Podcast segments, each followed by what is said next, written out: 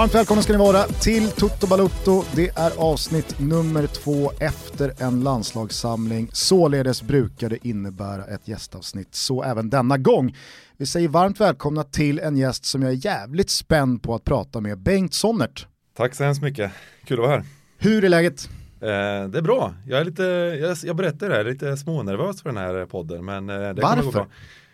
Ja, men, eh, Sprang ni på Bengt igår på Friends inför matchen? Och så snackade vi lite inför den inspelningen, så sa han också samma sak. Jag är lite smånervös alltså. Det... Vi har så Ja. jävla många lyssnare, det är det Gustav. Ja men exakt. Jo men det här är en människa lyssnare. som har suttit vid finalbord i VPT.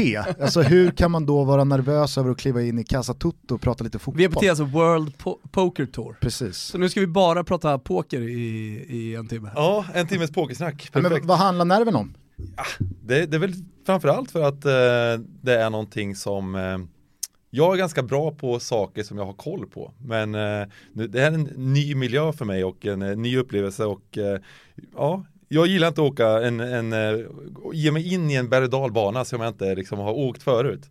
Eh, det, det, efteråt så kan det vara svinkul och svinskönt och under tiden kan det vara ganska roligt också ibland. Men eh, den här känslan inför det, det kan vara, kan vara lite spänd på. Och sen vad va, fa- fasen alltså, här sitter jag, jag vem, är jag, vem är jag en gubbe som klickar på några knappar på en dator jämfört med Fredrik Backman var här, ni har haft supermycket fotbolls... Det är just det som här, är liksom. Toto Balutto. Jag Precis. hade Martin Soneby här för någon, eh, för någon vecka sedan, eh, ståuppkomiker. Så att, eh, ja. Ja, Vi blandar precis. och ger. Det ska ju dock sägas att du, du, du, du är ju knappast nervös för att du är poddovan. Jag hör dig i poddar flera gånger i veckan, så att det här det. har du gjort förr. Ja, exakt. Eh, vi kör ju ja, men spelpoddar, det är Stryktipspodden och Oddset-podden framförallt då, som vi kör. Eh, men sen har jag ju streamat också i två års tid nu så att eh, eh, ja, jag är rätt så van att sitta framför eh, någon slags publik och prata i alla fall. Och det här gör ju ett sammanhang som mångt och mycket kretsar runt det spelkollektiv, väljer jag att benämna det som, som du eh, driver. Gambling Cabin, Mm. berätta om det. Ja, eh, ja men det är, det är ett community runt, eh, runt spel som eh, jag eh, startade kan man säga. Jag började streama när jag spelade poker och eh, snackade lite sportsbetting på Twitch för ungefär två år sedan. Ehm, och eh, det var väl e-, egentligen från början så var det mina liksom, fyra kompisar som eh, kollade på streamen som jag hade skickat länken till.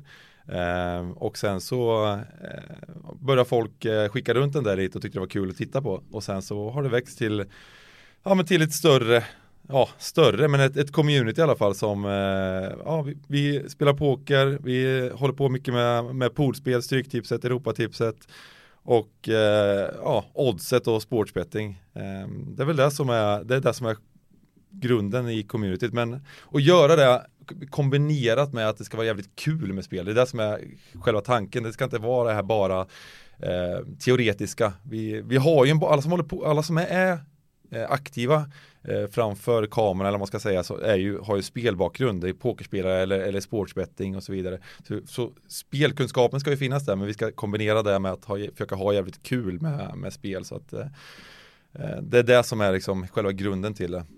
Vi lär garanterat återkomma till mm. Jag måste bara fråga, Gambling Cabin, jag, jag, jag vill ju liksom hävda att jag någonstans eh, eh, lanserade ga, alltså Gambling Cabin spelstuga, det, det, det, det, det är mitt ord. Jo, alltså helt ärligt, jag tror fan att, Bengt, N- hjälp mig här. n- när lanserade det vill jag höra? Då vill jag höra år, årtal Nej, men och... i, eh, tj- 2011, 2012 aj, aj, aj, aj, med... aj. Då är då är jag långt satt- efter. Då är det Är- långt är efter. det alltså? Ja, ja. Det måste att ha när jag hört satt det med Anders någonstans. Ström i hans, hans lägenhet vi, på vi, vi, Östermalm. vi hade ju spelstugor alltså.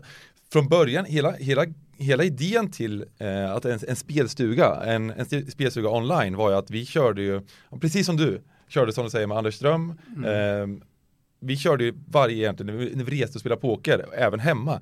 Man samlades i någons lägenhet eller i någons hotellrum och sen sätter man upp laptopsen, man sätter på tvn och man, folk spelade poker, folk eh, bettade till höger och vänster. Fy man fan vilket skrattade. jävla paradis Ja alltså. men det var, det var extremt roligt och, och alla Ja men det vet jag, för det pratade ju Anders ofta om, ska Ja. vara spelstuga. Och Ja men exakt, ja. precis. Och, eh, men du hävdar fortfarande att du lanserar ordet. Nej, gambling cabin.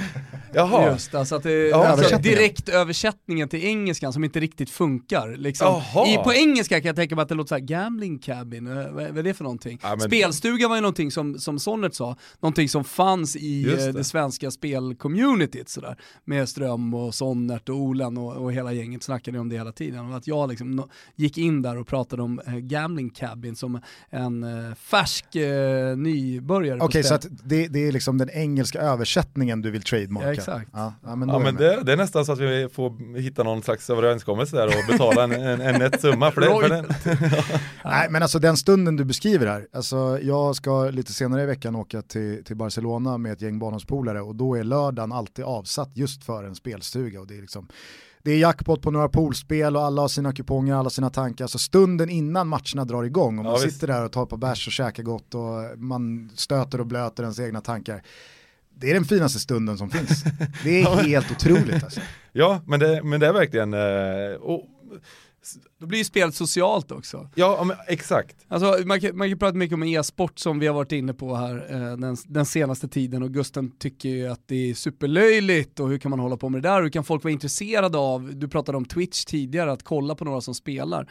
Ja, här sitter folk och kollar på när Bengt Sonnert och några sitter och surrar om sina spel oavsett vad det, vad det är någonstans man har investerat sina pengar. Mm. Eh, så, så, är det ju egentligen samma sak. Jag tror att det blir socialt. Man, ja. man, har, man har gjort då gamingen social, man har gjort spelet socialt socialt, det, eller ni har gjort spelet socialt. Absolut, ja, men det, jag, alltså det kom ju från att, eh, nu, nu kommer jag bli sågad här helt från början. Eh, jag satt själv och tittade på Twitch eh, innan och då kollade jag på, jag, jag jag spelade inte e-sport eller någonting, men, men när jag var liten så spelade jag Zelda. Mm. Och sen så började jag spela det här sista Zelda som, som kom ut eh, och eh, tyckte det var skitkul att spela. Och sen, men sen är jag lat så att eh, alla de här lösningarna, problem, problem i Zelda, de kollar jag på YouTube. Ja, alltså inte walkthroughs liksom. Och då märkte jag att, ja, men då var det ju folk som var jätteduktiga på spelet och då hade de någon länk till Twitch och de spelade live. Så gick jag in där och kollade, fan här spelar de live och fan vad duktiga de är. Och så, och så kunde man kolla lite och, och, då var det, då var det ganska underhållande. Det, var, det, var, det bildades ett community runt, folk chattade med varandra och sen, så, och sen så var det ofta någon som försökte klara spelet eh, så snabbt som möjligt eller göra något, något, någon, någon vissa grejer liksom. En bana så snabb som möjligt. Ja men exakt, ja. och de slår rekord och så vidare. Och jag hävdar ju att jag är världsmästare på Sonic the Hedgehog eh, första som kom till Mega Drive, första banan 21 sekunder. Du är inte blyg i det här avsnittet. Nej, men jag, alltså, det är sanningen, nu, pra, nu pratar vi om sådana här grejer men då kunde det man inte... Det finns sajter för det där, det, det, finns rekord för det där man kan liksom, oh, du, kan, du kan gå in och mäta och troligtvis är det någon som har klarat det på typ 14 sekunder. Mm. Eh, men, tyvärr. Så kanske så poppar vi körsbäret här. Jag sa ju för någon månad sedan att det kommer aldrig eh, sitta en e-sportare i Toto-studion. Men det, det, kanske, det kanske gör det nu då?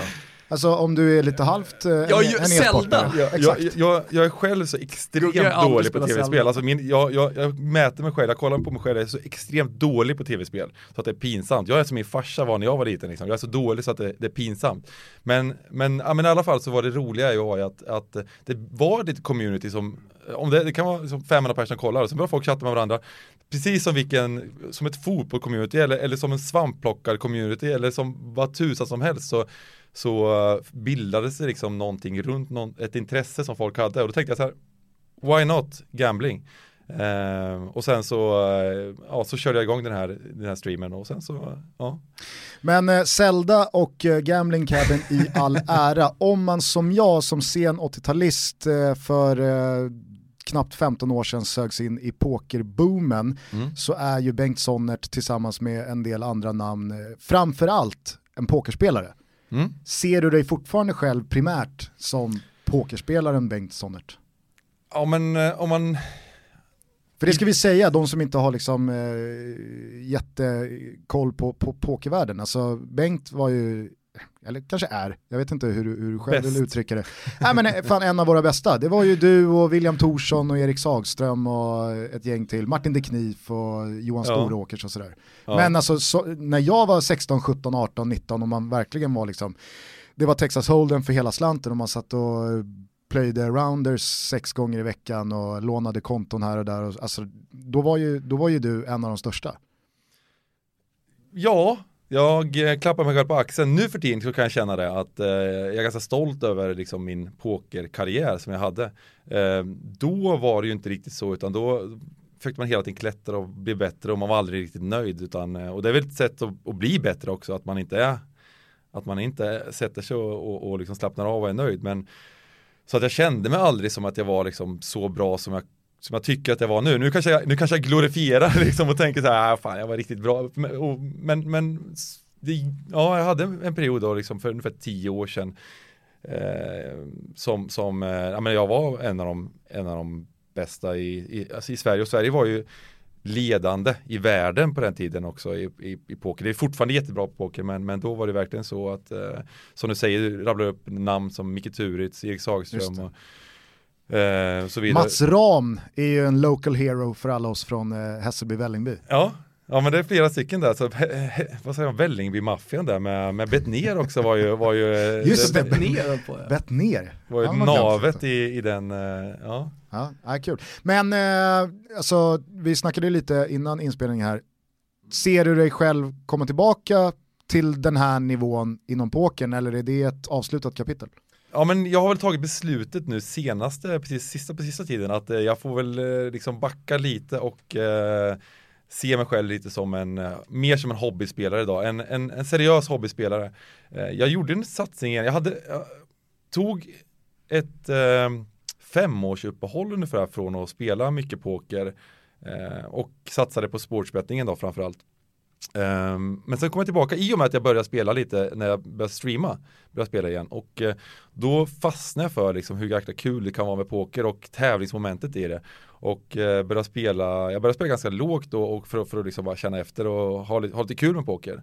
Men så blev det mer och mer tävling och då försökte jag pressa mig själv tuffare och tuffare och, och utmana mig själv mer och mer. Uh, och det gick ganska, ganska okej okay faktiskt det här året men, men samtidigt så till de allra bästa till nivåerna som jag var liksom en gång i tiden. Dit nådde jag aldrig eller kommer aldrig nå tror jag inte utan, utan eh, ehm, jag brukar liksom säga, det låter kanske lite töntigt liksom, lite e-sportaktigt men, men eh, det är lite som att ha en, en idrottskarriär och vara pokerspelare också att eh, ehm, det finns, man har en viss tid i karriären som man kan vara, som man kan vara bra liksom där eh, det är young man's game lite där med. Att uh, när man, de här har 20, blindtid? ja, man har lite blindtid, precis. Det, det, precis, precis så att... Uh, det kräver kanske mer än vad folk tror också. Ja, det, precis. Det krävs extremt mycket, speciellt nu för tiden när det har blivit um, ännu mer seriöst. Sporten, sporten som man det är i alla fall kan, kan man, har ju utvecklats något enormt. Och de, Sen är det väl också oundvikligt mm. att man blir, vare sig man vill eller inte, lite mätt. Ja, precis. Och att det tar ut sin rätt också. Ja, Eh, 100% att eh, den tiden som man måste lägga ner, som jag la ner en gång i tiden, den, den finns inte heller eh, riktigt där. Och eh, eh, kroppen klarar inte riktigt av på det sättet man behandlar under, under lång tid. Man ser mycket sena nätter och man, man, man, eh, ja, man var ju liksom all in kan man säga på, på att eh, med mycket tunnelseende på, på att bli bra på poker. Och den Eh, jag, Mycket jag, annat jag som, blir för, eh, som, som, blir bortglömt då. Ja. Eh. Men och det märker man liksom på andra, det är väldigt få spelare som är kvar egentligen från den tiden när jag spelade som var på toppen då som fortfarande kan spela. Och jag är sjukt imponerad av de som är där liksom. Men, eh, det är svårt att hitta en balans med ja. ett, ett, vanligt liv så att säga också. Ja, ja men absolut. Vi ska alldeles strax släppa pokern, jag måste bara fråga när mm. jag har en gammal pokerhjälte i, i studion. De här sinnessjuka vadslagningarna och betten man hörde om från Vegas-borden eh, med liksom så här, man la in någonting helt sjukt i potten kring en golfrunda eller vad det nu var. Just det. Vad har du för sånt riktigt sjukt vad som du har varit involverad i? Jag eh, var egentligen inte så intresserad av det där. Jag tyckte att, alltså jag, jag men klart man har gjort vissa, vissa, vissa knasvad eh, har du något exempel? Ja, jag hade, jag hade en, en gång, jag, jag och en norrman försökte att nu måste vi komma i form så eh, vi måste börja träna ordentligt. Så då, då hade vi, då skulle bettade vi 5000 dollar per dag om vi inte tränade. Eh, det, var, det var liksom det var, det var egentligen det, det största knasbettet jag gjort liksom. Men det höll, sen bara, båda klev av efter, vi höll, på ett par veckor och sen bara, nej det här går ju inte liksom.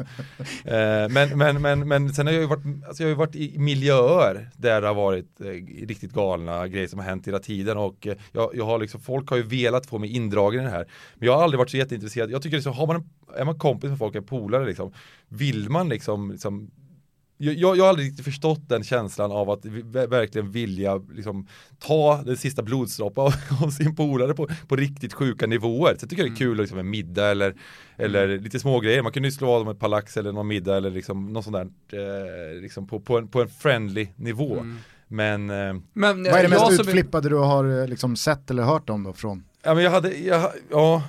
Från de här nivåerna för att det var ju riktigt sjuka grejer. Ja, Nej, men jag, det var, ja men vissa, vissa grejer har varit riktigt sjuka. Det var, det var eh, någon gång eh, som eh, jag var i Vegas så var det två, två pokerspelare. Det var bland annat eh, William, det här kan man ju avslöja nu, det var så länge sedan så det, ja. nu, nu, kanske det är okej. Eh, och den andra var John Persson och William, eh, William Thorsson. Mm. Precis. De eh, ville båda ha samma par, ett par Prada-skor som de hittade i affären. och det fanns bara ett, ett par i den storleken kvar. Och då, och de eh, båda ville, det, det vart en, en, konflikt om de här skorna på något sätt. Eh, och eh, då, då beslutade de att de skulle spela, ena killen sa att du kan få skorna. John var bättre på ett spel, han var bättre på ett spel, det Kina-poker, jag vet inte om han har spelat det. Mm. Han, han, han, hade spelat det mycket, William hade inte spelat någonting. Men då, du kan få skorna, men då ska du spela hela kvällen Kina-poker på mig, heads up. Det slutade med att William förlorade en miljon kronor till, till John Persson på Kina Poker. Så det var ett, ett par skor som kostade en miljon, men han fick, fick skorna i alla fall. Undrar om Prada-skorna är kvar? Det vill man ha en bild på. Overkligt att sitta och bara tömma sin polare på, på stålar. Hörru du, om du kallade förra veckan för simor veckan vad kallar du då den här helgen? Vilka matcher det är på Simor från Italien och Spanien? Ja, man, man skulle väl kunna säga att det är simor tider då.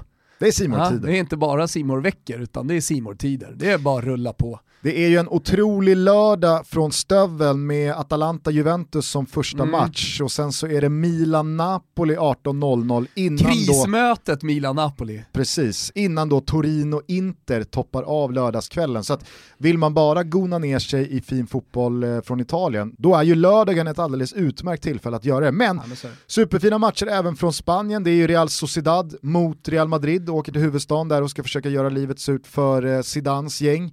Eh, även fin match eh, i eh, Sevilla mellan Real Betis och Valencia. Mm. Ja, men det är en bra omgång, det är en härlig helg, skönt så här efter landslagsuppehållet när, när det kommer en, en sprakande helg, när det händer lite grejer, liksom, när det är lite tunga matcher. Mm.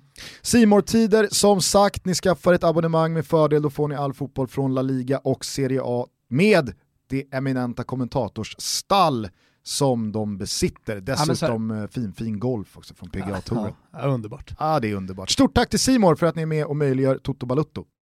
Vi är denna vecka sponsrade av Unisport och ni som har varit med i Tutto ett tag vet vad det här handlar om. Det handlar om Sveriges största onlinebutik för allting som man kan tänka sig vilja utrusta sig med när det kommer till idrott och inte minst fotboll. Vet du vad man kan köpa bland annat? Ja, EM-tröjan som uh, jinxades, det blev ingen jinx Gusten, vi gick till EM i alla fall. Den är fin. Verkligen, och eh, det händer grejer på unisportstore.se de här dagarna. Idag, torsdag, så startar deras Super Weekend. Mm. Pågår hela vägen fram till och med söndag och där kan man spara upp till 25% extra på allt. Handlar man mer, ja, då sparar man mer och det här gäller även de allra nyaste fotbollsprodukterna som nödvändigtvis inte kommer vara en del av Black Friday och Black Week som drar igång på måndag. Så att vill Exakt. man då till exempel lägga vantarna på de här nya tröjorna, ja men då är det under Super Weekend man eh, kör. Ja men det kanske är många som eh, hör det här och tänker, ja men jag ska ju vänta till Black Week, Black Friday, kommer ju mycket rea som helst. Ja men gör inte det då, gå in redan nu och kolla 25%, det är ju mycket! Men sen då, på måndag så drar Black Week igång, toppas av med Black Friday och då kommer det vara sjuka jävla priser på i stort sett allt. Förutom då de här nyaste produkterna. Så att vill man lägga vantarna på de här nya tröjorna, då gör man det nu. Ja, men det, känns ändå härligt att eh, mitt i då rea-tider att uh, bolla upp då. Till exempel Sveriges uh, EM-tröja, den borde ju ligga under granen hos de flesta. Mm, eller? Verkligen. Borde den vara på granen? Eh, på vilken gran? ja men det är det jag säger. Borde den vara på granen? Nötfrågan här nu när vi har en ny eh, EM-tröja. Men eh, det, där har du ju annars, annars ett eh, bra julklappsrimstips. Ah, granen under. Ska den vara på, under? Ja. Vet du vad jag säger? Jag säger att den ska ligga under granen, inte på granen. Kör vi Ponne, all in! Och vet du vad jag säger? Nej. Jag säger stort tack till Unisport för att ni är med och möjliggör Toto Balutto. Och jag säger stort tack för att ni ger så fina priser till alla som lyssnar på Toto Balutto. Med det sagt då, vi ska inte sitta här och prata Zelda och poker hela avsnittet. Det är ju Toto Balutto, det här är en fotbollspodd. Och Bengt sitter ju här primärt då för att eh, om man som jag har konsumerat eh, Sonnert i olika poddar senaste ah, två åren i alla fall så har jag lärt känna en otroligt vass eh, kille på framförallt då relationen fotboll och betting. Många intressanta perspektiv i hur man värderar olika lag, eh, form, eh, tränare, spelare, bortfall och så vidare. Vi hade ett litet liknande samtal med Daniel Olenklint för ett knappt år sedan, jävligt uppskattat av våra lyssnare. Så jag, jag, tror att det här kommer Också bekant falla... med, med Bengt va? Mm. Jag tror att det här kommer falla många av våra lyssnare i smaken. Men vi ska som alltid börja med en eh, faktaruta så att eh, det är bara svara på tilltal. Fullständigt namn? Bengt Erikssonert. Ålder? Eh, 39. Har du någon 40-årskris? Eh, jag har inte haft det men eh, ja, det börjar, börjar, börjar svettas lite ändå. Ja. Jag tycker du har klarat steget in på Jo men det är som jag säger, jag tror ju att jag är 20 fortfarande. Det är bara att jag ser inte ut som 20 och jag beter, eller så här, jag kan bete mig som 20 men det blir ju bara tragiskt. I Efter fem-studion ser det ut som att du är 20. Nej, jag ser knullig ut men det är något annat. jag, jag, jag, tyckte 38 var lugnt liksom, men 39 det känns som att nu börjar närma sig liksom. Mm. Ja, jag är ju för fan inte 40. Det är bara omfamna. kan jag inte vara. Kommer du, eh, kommer du slå på stort i något firande eller? Jag, jag, tror fan mig det, att någonting, jag funderar på Vegas, alltså 40 år i Vegas, det, det, det, då får, kan det man kan väl liksom bara få sluta illa. Ja det kan bara sluta illa, men då har man väl liksom fått, fått bort 40-årskrisen i alla fall, liksom. bara göra dumheter i, i en vecka eller någonting. Ja. Hur skulle din bästa vän beskriva dig? Oj, eh, gnällig och... Eh, lat? Men, ja men lat, ja det stämmer nog också. Ja. Fast ändå liksom eh, social och lite små, ja. Lite små? Eh, jag vill faktiskt boosta mig själv att, eh, ja, nej jag vet inte. Okej, okay. det, var, det var en hård beskrivning av sig själv. Ja, eh, precis. Men, eh, men ändå, men ändå liksom eh, småskärmig och eh, lojal. Tyckte du att det var rätt eller fel av Helsingborg att kicka Sören Kratz efter dennes förvisso alldeles för långa men också fullt begripliga ärevarv på Söderstadion 2002? Jag, jag har lärt mig att vissa grejer ska man inte ha så starka åsikter om. Jag, man, man ha starka åsikter om saker som man inte vet någonting om är någonting som eh, det är en, en liksom epidemi i, i, i framförallt internet och i världen nu överlag. Att du, du, du, folk vet ju inte saker om det är olika saker som är liksom eh, allt från eh, liksom politik till liksom eh, forskning med, med eh, globala uppvärmningen och så vidare och så vidare. Men folk har åsikter. Spel. Spel, spel absolut. Men det är ju en självklar grej att, mm. att någon som har sys, sysslat med spel i 15 år, som jag har gjort, eller mer, eh, att vem som helst vet ju mer än vad jag vet, såklart, liksom, eh, i, i, en diskussion. Och det är ju det är någonting som Uh, man ska vara lite försiktig, men jag försöker vara försiktig med men jag tror också jag är ganska kaxig och, och, och dryg ibland. Uh, ganska ofta kanske. men uh, just sådana här saker, om man ska säga vad jag, vad jag tycker, ja, absolut, om de, de, hade säkert belägg för det. om det var bara den här grejen så kan jag tycka att, ah, jag vet inte. Men det var väl säkert fler saker än, än, än det, gissar jag på. Lite sarg ut men... ja, ja, men ändå. Man, man fick lära känna Bengt lite bättre. Ja. Du måste ju gilla snacket om att folk har för starka åsikter om saker de inte har en jävla aning om. Mm. Det faller ju dig i smaken. Mm. Ja, men man ska ha åsikter, men just det här, det här bergsäkra har, har, har liksom eh, så här är det. Ja. Det är ju så många har lärt att uttrycka sig i och med sociala medier, 140 tecken här, alltså, ja, just den begränsningen att man ska vara snabb och rapp och så vill man få fram sin åsikt. Då blir det ju lätt så att uh, allting ser ut som, eller när man läser det så verkar det som att uh, alla personer vet exakt hur det ligger till. Ja. Det blir, blir jävligt konstiga diskussioner, framförallt på Twitter blir det ju det. Ja, precis, och det är samma sak i ja, politiken också. Ja, men, ja, precis, och det är ingen det är sällan någon säger, och även politiker, ja, men jag, jag vet inte fan alltså, jag, jag vet inte det här, tyvärr, jag vet inte det här, men det finns ju folk som vet bättre. Och det kan ju vara... Stefan Löfven var väl inte sådär jätteövertygande i senaste Agenda dock. Nej. Där höll han många svar, lite ja. såhär, ah, jag vet fan. Bengt Sonnert kommer ut med det nya perspektiv på Stefan Löfvens haveri till Agenda-intervju. Att det är bra att Löfven inte är så jävla tvärsäker på allt. Bra. Good evening Mumbai. Namaste. The eyes of the world are on China. Sorry, on India. Eh, var är hemma för dig? Östergötland skulle jag vilja säga. Jag, framförallt så har jag ett sommarhus i södra, södra Östergötland som jag eh, eh uppväxt i det området lite och trivs mycket. Mm. Det är ju faktiskt ett av de sorgligare områden på Sverige fotbollskartan. Ha, ja. liksom, saknas det ett fotbollslag i Östergötland? Ja, eh, det är ju Norrköping som, som, som eh, liksom bär den eh, det oket men eh, Åtvidaberg har ju varit bra också ett tag men, men Lite men, tyngre nu Ja precis, verkligen Åkte väl ner i tvåan va? Ja, eh, Linköping har ju varit katastrof hela min, mitt liv, egentligen alltid sen, sen eh, Saab var väl uppe 1953 senast eller någonting, nu, nu sa jag ett random årtal men men eh, nej, det har väl eh, varit mer eller mindre katastrof. Eh, och de har gjort, försökt göra lite satsningar i, i Linköping sådär men eh, Lurigt det som händer nere i Åtvidaberg som en liten parentes. Ja. Du kanske vet mer om Nej, det? Nej, jag bara tycker att det känns lurigt. De ja. bara försvinner från fotbollskartan, mer eller mindre. Åker ner och ja. Eh, ja, värva konstigt eh, utomlands ifrån och konstiga resultat och sådär. Jag tycker bara hela, hela mm. situationen i Åtvidaberg känns lurig, jag mm. vet ingenting. Men, Nej, men det är väl alltid, jag konstaterar det. Det är väl ledningsfrågor, men det är sam, samma sak, ja, troligtvis anledningen, nu kommer vi bli eh, hatad av alla i Linköping. Men det är, det, det är, ju samma sak i Linköping, att vi inte har fått ett, ett lag i, i... Så att vara hatad i Linköping är inte dåligt? Nej men att det, att, att det är upp, ledningsfråga från start, att det inte kommer någon som kan eh, som kan styra upp det så att säga. Men det är ändå en ganska stor stad, det är femte, ja, Sveriges femte största stad.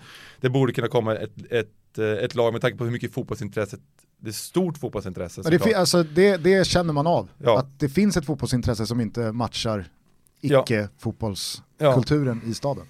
Absolut, och eh, ja, men det är mycket vilja. Det, är fot, ja, men folk som, det finns gott om folk som vill styra i fotboll, som vill spela fotboll manager, som vill styra fotbollslag, men, men eh, det kanske inte är rätt folk alltid. Ja. Eh, jag ska bara säga det att Östergötland är ju vår, eh, den region som eh, är vad blir det, fjärden störst efter Skåne, Västergötland i Göteborg va? och eh, Stockholm så är, kommer Östergötland. Ja, som tittar, som lyssnar på... Som lyssnar på vår podd. Ja, kul. Ja, ja. ja, då finns det ett jävla utbrett fotbollsintresse, vad det verkar. eh, vilka språk behärskar du? Eh, ja, men svenska och eh, engelska får jag säga. Sen är skoltyska och eh, turistspanska turistspanska. Ja. Ja, men jag, jag, Den är underskattad. Ja, men jag, jag berättade här innan lite att vi, jag har ju rest lite i Sydamerika och då gick jag i någon slags hobbyskola där och eh, eh, lärde mig lite spanska men det försvinner ju fort och jag är inte så språkbegåvad så att eh, jag borde kanske kunna bättre spanska men eh, jag kan göra mig semiförstådd efter ett par dagar i spansktalande länder kanske. Jag kan tänka mig att eh, det, alltså, liksom, pokerlingot på spanska låter jävligt liksom, fjantigt. Ja, ja. När de ska klämma in alla liksom flop river och alltså vad alla Jag vet faktiskt inte. Heter. Jag borde kunna det där, men jag vet faktiskt inte. Ja, spelar... Pinko the full house. Lirar inte. Eh, vilket eller vilka lag håller du på? Jag håller, alltså rent så här, det, det enda laget som jag passionerat håller på som jag verkligen blir upprörd och eh, mår illa över när det går dåligt, det är svenska fotbollslandslaget. Eh, sen, sen så brukar jag säga att jag håller på Queens Park Rangers, för det är mitt, det är mitt lag i England. Men det, jag, det är något lag jag följer och alltid följt, men Eh, om man ska vara riktigt ärlig så har de förlorat, det är inte så att jag tänker på det på kvällen efteråt om de har förlorat en match. Liksom. Det, det... Du dunkar inte ner till Loftus Road? Aldrig varit där. Ah, okay. ja, det är lite deppigt, det måste jag, dit måste jag åka men eh, det, det är eh, men i, i tabellen, det blir så här när man håller på med spel också att eh, det här, man, man, blir lite dämpad i sina känslor när man håller på mycket med spel. För att eh, man, man, måste kunna vara lite open-minded och eh, inte hålla allt för starkt. Jag, jag, vet inte, när Queens Park Rangers var uppe, de var uppe två år i, i Premier League. Och jag, jag var, måste, Med ett måste helt vara... otroligt lag, måste verkligen sägas. alltså det är ju ett av de största rövargäng som har varit i Premier League på den här sidan millennieskiftet. Ja, det gick inte så bra. Eh, det gjorde det inte. Men, ja, men, men jag tyckte att det borde gå bättre eh, på något sätt. För jag, jag, förlorade väldigt mycket pengar på Queens Park Rangers, eh, i alla fall ena året vet jag. Ett alltså jag, jag, jag fick för mig att att jag eh, såg saker som inte andra såg riktigt och eh, det kanske är fel att hålla på ett lag då lite tänker jag. Um, ja men nu, nu är vi på gång Man, liksom, man, inne, man var inne på, på sidor och läste och man har lite mer koll på det laget. Och man tänker, ja men det, det känns ja, bra. Den, liksom. Just den där grejen, nu ja. säger du någonting som är viktigt, man har lite bättre koll på ett annat lag än ja. kanske det andra. Och då, då, då, kan man som spelare ha en eh, förmåga att övervärdera det laget lite. Eh, jag, tror, jag tror samma sak när man spelar på Europacuperna. Mm. Eh, så tror jag att har man en lite starkare känsla för ja, men, engelsk fotboll eller spansk eller italiensk fotboll som det har varit för mig. Så jag, jag har i alla fall haft eh, eh övervärderat de italienska lagen eh, mm. de senaste tio åren. Eh, och det, det, vet ju Olen Klint om inte annat väl om. Men eh, efter alla år eh, inom sportsbettingen, har du några liksom, lag som ligger i varmt om hjärtat för att de har genererat en hel del cash och har du några boogie-team? Thomas höll ju på att mentalt knäckas av Inter Ja just det. Han kom så fel på Inter i, var det fem år? Ja, alltså när jag spelade för dem, äh, då gick det åt helvete. Så alltså, spelade jag emot dem, äh, då var de hur jävla bra som helst. Alltså, det gick aldrig att komma rätt på Inter ett tag. Nu däremot bättre. Ja men det är väl nu ska jag vinna tillbaka på de jävlarna. ja men precis, det, nu, så nu är det farlig tanke om vi pratar sportspel. Ett, ett, av de bättre åren nu i alla fall kanske förhoppningsvis. Ja, jo, så är det. Ja. Men nu börjar oddsen där, komma därefter också. Ja precis, det är det som är problemet. Man, ja. man tänker att man ska få, få igen det där retroaktivt, ja, men, men då justeras ju oddsen snabbt. Ja men det går konto och vinner med 1-0 istället bara, så sitter man på minus en och en halv, helvete. Men vad, vad, vad grymma då, det, borta mot Barca där, det var, det var... Ja det var en otrolig match. Ja. Där borde de fått med sig mer. Ja, det var hemskt och ja, då hade jag spelat eh, mycket, mycket på att inte inte skulle torska faktiskt. Det var ja. deppigt. Ja. Men eh, vad har du för sådana lag? Alltså Queens Park Rangers är ett av dem kan man säga då. Eh, och, eh, men, men det var under, under väldigt kort tid. Men Liverpool är ett sådant här lag som, som kanske inte senaste år, året eller åren, men tidigare så, så på något sätt så kommer alltid fel på Liverpool. Det var liksom, eh, det var ett sånt lag som, som jag tyckte att alltid hade rätt, men, jag, men på något sätt så tajmade jag allting fel liksom. Och, sen, och det var också sådär, jag vill, man, man ville ha det rätt och Man tyckte att Liverpool kanske var lite bättre än vad oddsen vad oddsen sa, jag spelade mycket spel på Liverpool och sen gjorde de dålig säsong och sen, och sen blev de ju bra. Har de ju blivit bra nu och nu vill man ju ta betalt men nu blir ju oddsen som du säger, nu är oddsen där, nu är de liksom kanske lite övervärderade många matcher istället. Ja precis. Och, så, så bara vin, och nu bara vinner de för då går man på andra sidan. Och nu senast så vet jag, då satt väl du på City-sidan? Ja, ja. Det var faktiskt ett av mina tyngsta spel eh, i, i år eh, på, på City den matchen. Och det var ju deppigt. Eh, och, ehm, men jag hade spelat samma spel igen. Nu säger jag inte liksom att det, det, det jag, jag, eh, jag tycker att, jag tycker fortfarande oddset, oddset är fel. Jag, jag tror att ska de spela samma samma match igen och ta bort den, det var en simulering den här matchen bara. Skulle man spela samma match igen och all, all, alla i världen hade sett den här simuleringen, inklusive liksom spelbolagen och allting, då skulle oddsen stå lägre på City. Mm. Det, är min, det är min åsikt, men jag, jag, tror att det är väldigt många som inte håller med mig om det. Eh, men men jag tror ändå många håller med också. Men vi kan väl stanna lite vid den matchen, för det, mm. det, det, tycker jag är ett ypperligt exempel att ta. En match som många har koll på båda lagen mm. eh, och att man då liksom grottar ner sig lite i det. För jag vet att vi pratade med Olen Klint om just eh, Liverpool, vad mm. Mohamed Salah betyder för ett odds på Liverpool, om han är med eller inte. Till den här matchen så är det säkert många som vet att det kom ett sent besked om att Ederson, Citys ordinarie målvakt, inte kunde vara med och in kommer då Claudio Bravo som många har en väldigt negativ inställning till att det är ett kvalitetsdropp. V vad gör en sån eh, information för dig? Och hur ser liksom din grundvärdering ut av de här två lagen inför att du ska ta ställning? Ja precis, det är, det är grundvärderingen som är det, det, viktigaste man har från start. Liksom, att man, att att eh, man måste ha en grundvärdering på lagen och sen kommer det olika faktorer som påverkar eh, värderingen som är idag. Och City hade ju flera avbräck, eh, inte, bara, inte bara Ederson, det var kanske fanns en del ännu viktigare avbräck. Eh, och för, för, så för just det här ehm, jag, jag, tycker ofta att målvaktsfaktorn kan vara lite övervärderad ehm, hos spelare. Att, att, att en målvakt är, det är en spelare och att en målvakt ska vara är kanske inte viktigare än en, en vänsterback liksom, men många tycker att, att det är så extremt viktigt med målvakter. Um, det, det, det, de är ofta det är ofta inte så superstor skillnad på första och andra målvakten i, i ganska, i, i de bästa lagen. Uh, nu kanske det var, ja, eh, nu var det en faktor, absolut. Och ser man till matchen också så, så var det absolut en faktor med tanke på att han kanske skulle tagit någon av någon av eh, de här målen. Då.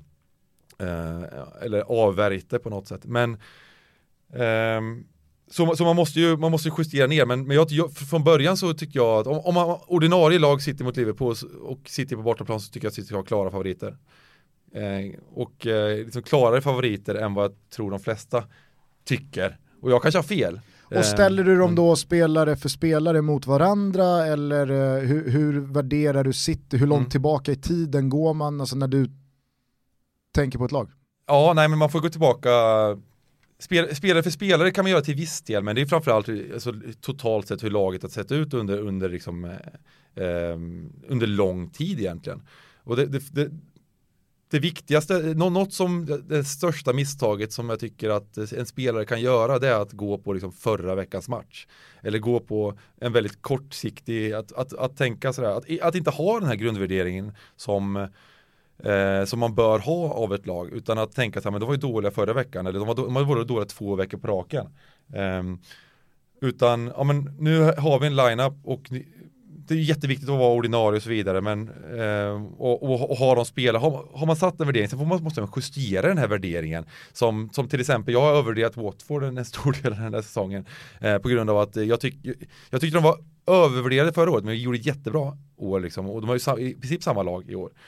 Ehm, men, men det här året så har de nästan ehm, det, det, är någonting som är, har varit fel på något sätt i, i laget. Jag, man, man, får ju värdera ner det efter när de har varit dåliga liksom, tio matcher på raken. Eh, men när de har varit dåliga fyra matcher på raken eller tre matcher på raken, då kanske man inte ska bry sig så mycket om det, utan de, de, de, de borde vara i alla fall ungefär lika bra som de var förra året. Eh, kanske lite sämre, absolut. Eh, så, så, att, så, att, så, att, jag tror att eh, det är viktigt att eh, inte se se på tabellen för mycket eh, och inte se på förra veckans match för mycket. Eh, för då, då det, det, det, blir väldigt kortsiktigt tänkande, tänkande på det sättet. Du, du måste ha någon slags grundvärdering utav, utav um... Och lite större perspektiv liksom. Ja. Du sitter och nickar med Thomas, alltså, hur, hur, hur värderar du lag? Känner du igen dig i det här? Eller nu spelar inte jag lika andra... mycket som, eh, eh, som jag gjorde en gång i tiden. Mm. Jag det här med Olen Klint, men det är precis som du säger. Eh, alltså form är ju bara en faktor. Mm. Och, och det, det, är klart att man väger in den, men jag, men jag är helt övertygad om att eh, man brett, eh, alltså spelare generellt sett, övervärderar form, precis som du säger här nu. Eh, och sen är det ju så här, det finns en historia mellan Pep Guardiola och Jürgen Klopp som man definitivt kan, kan eh, luta sig mot när man gör sin analys och när man liksom värderar ett odds. Hur såg det ut förra året? Vilka var det som spelade? Det kan ju vara så att, eh, amen, säg till exempel att eh, eh, Mendy spelade på vänsterkanten och att Trent Alexander-Arnold hade skittufft eh, och sen eh, eh, hände inte det i den här matchen. Sånt där skulle man ju kunna ta med sig också. Liksom, men det var ju Mendy som fullständigt sprang sönder Arnold den matchen. Alltså jag tror, jag tror generellt sett att när folk, om man ska försöka landa i någonting utan att bli för långrandig, att, att eh, folk är för grunda i sina analyser. Mm. Eh, och, och, då är det väldigt lätt att dels stirra sig blind på tidigare möten mellan lagen och då kollar man bara på statistiken. Och så har man glömt bort att det ena laget har bytt tränare 14 gånger eh, und, under, de, liksom, under den tiden de har mött varandra. Eller kanske till och med så är det så att ja men när man börjar gå ner den där listan på de tio senaste, match, eh, tio senaste resultaten, så ja, men det var 2003 när jag kommer ner på liksom rad fyra som de här lagen mötte varandra. Ja det är ingenting att göra med idag, alltså det är noll Nej, i faktor i den här matchen. Mm.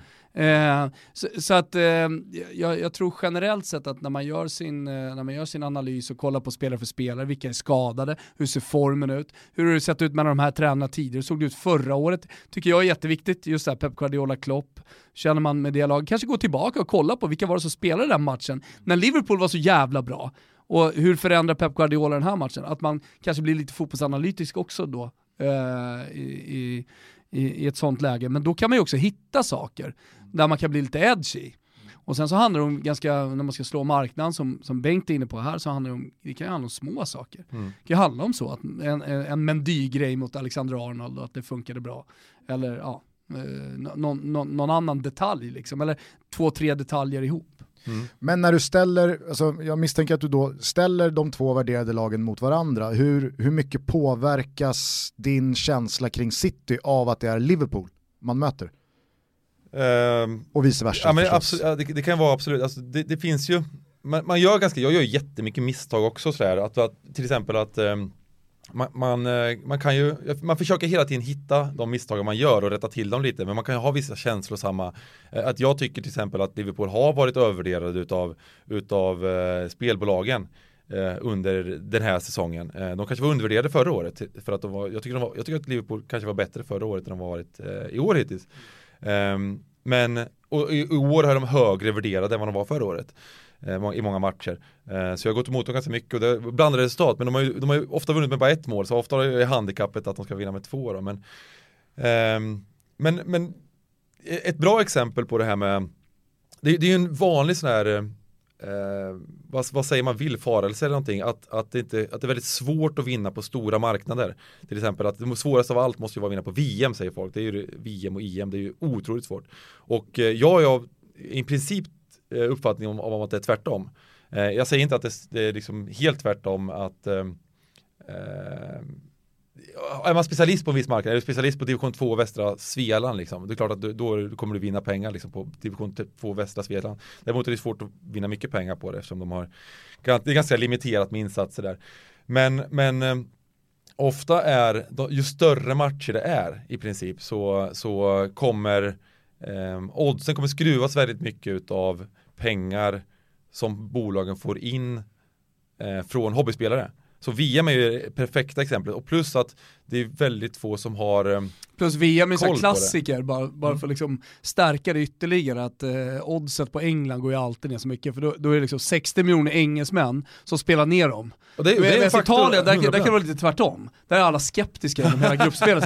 alla är så jävla dåliga, så det kanske blir bra odds på, på Italien för att liksom, ja men 60 miljoner engelsmän, de, eh, de drar ju ner marknaden liksom. Mm, Eller vad säger ja. drar ner marknaden, de drar ju ner oddset på England såklart, om alla ska in och spela sina 5 och 10 pund ja. och kanske, kanske mer. Ja, men jag, jag trodde inte på det förr, men, men, men jag tror att det är så. Mm. Jag tror verkligen att det är så att eh, Kanske borde man börja spela, som du säger, så här, Liverpool, börja spela på andra sidan då, eftersom det är så jävla mycket Liverpool-supportrar och de tror alltid på sitt ja, lag. Ja, just det. Ja, men, eh, ja, men till viss del kanske.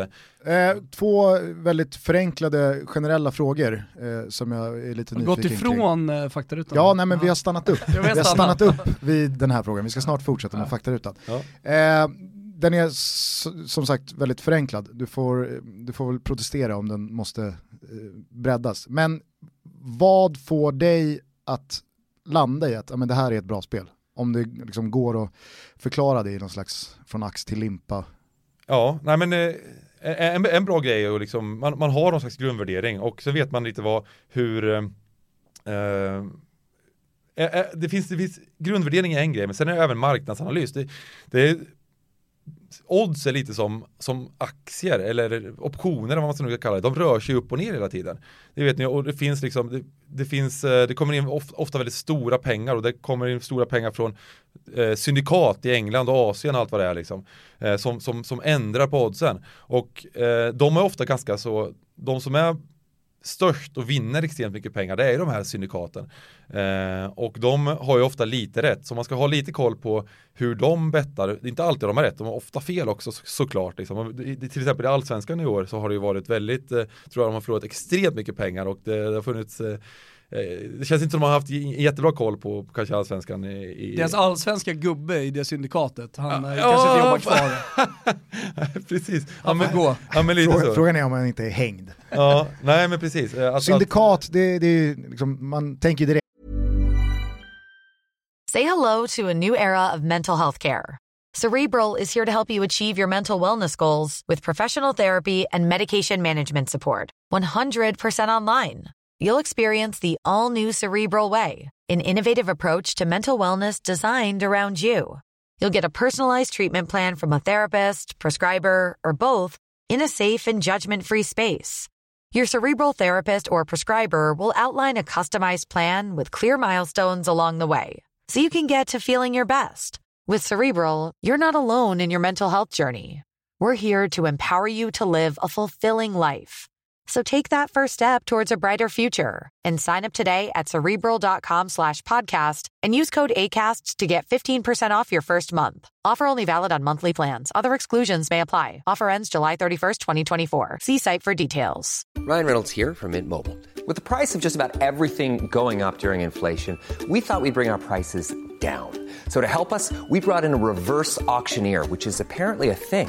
Mint Mobile unlimited premium wireless. Ready to get 30, 30, bit to get 30, bit to get 20, 20, 20, bit to get 20, 20, bit to get 15, 15, 15, 15 just 15 bucks a month. So, Give it a try at mintmobile.com/switch. slash $45 up front for 3 months plus taxes and fees. Promo for new customers for limited time. Unlimited more than 40 gigabytes per month slows. Full terms at mintmobile.com.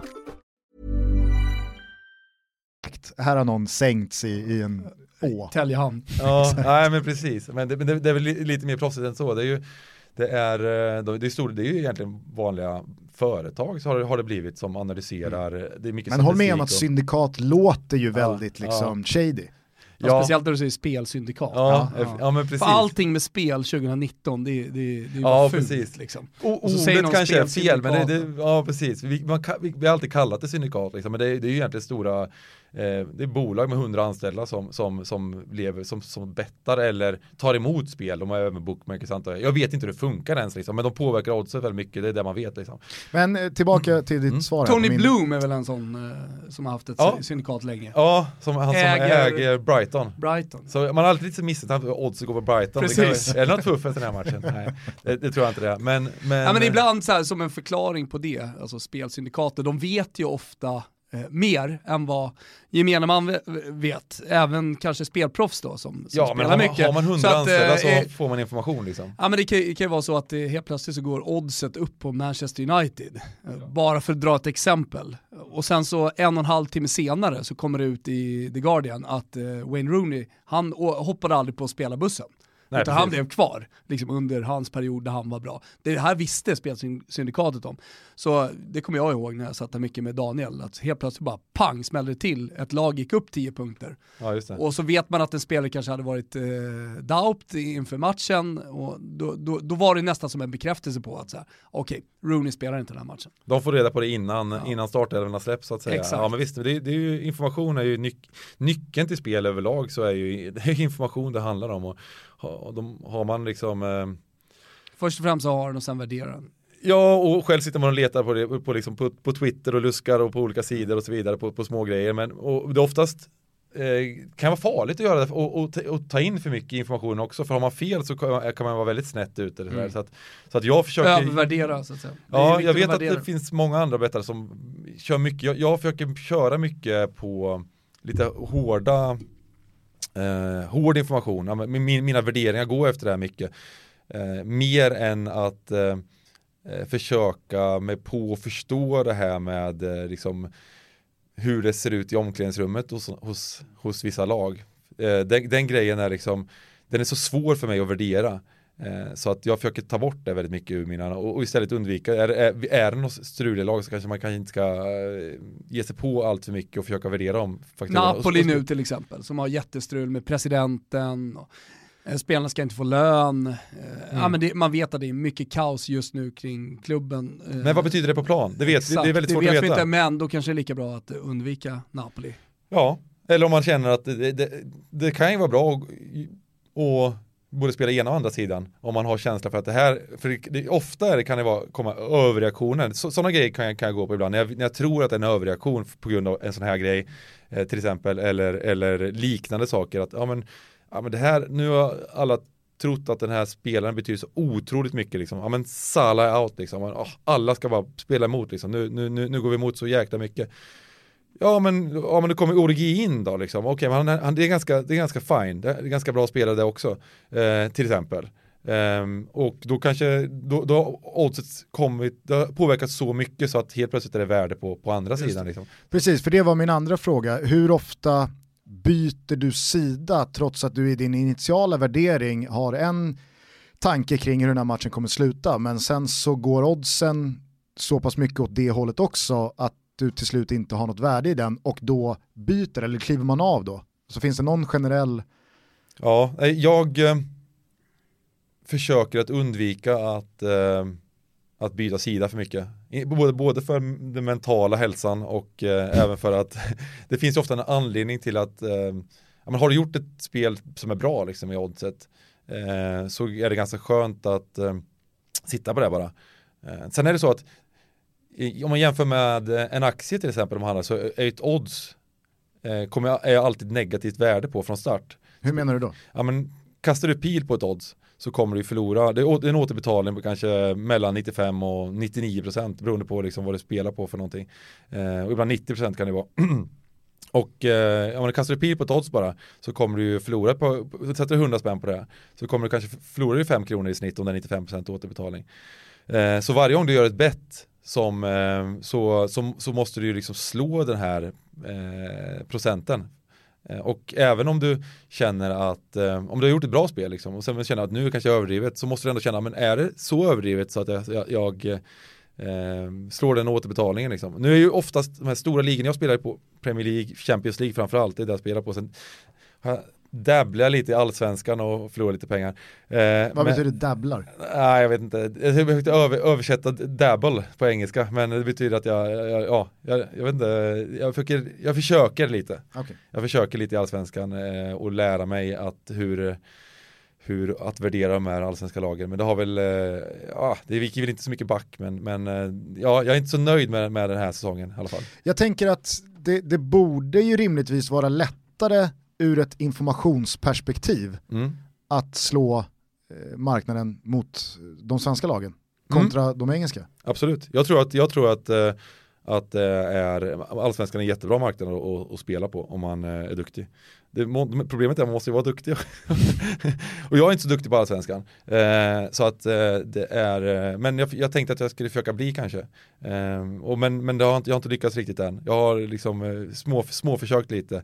Eh, men det, det, är ju lite tid och sådär också. Jag, och sen liksom, så, så anser jag att lite anledning till att jag spelar mest på, på Premier League och Champions Ena var att det är väldigt hög återbetalning på de ligorna.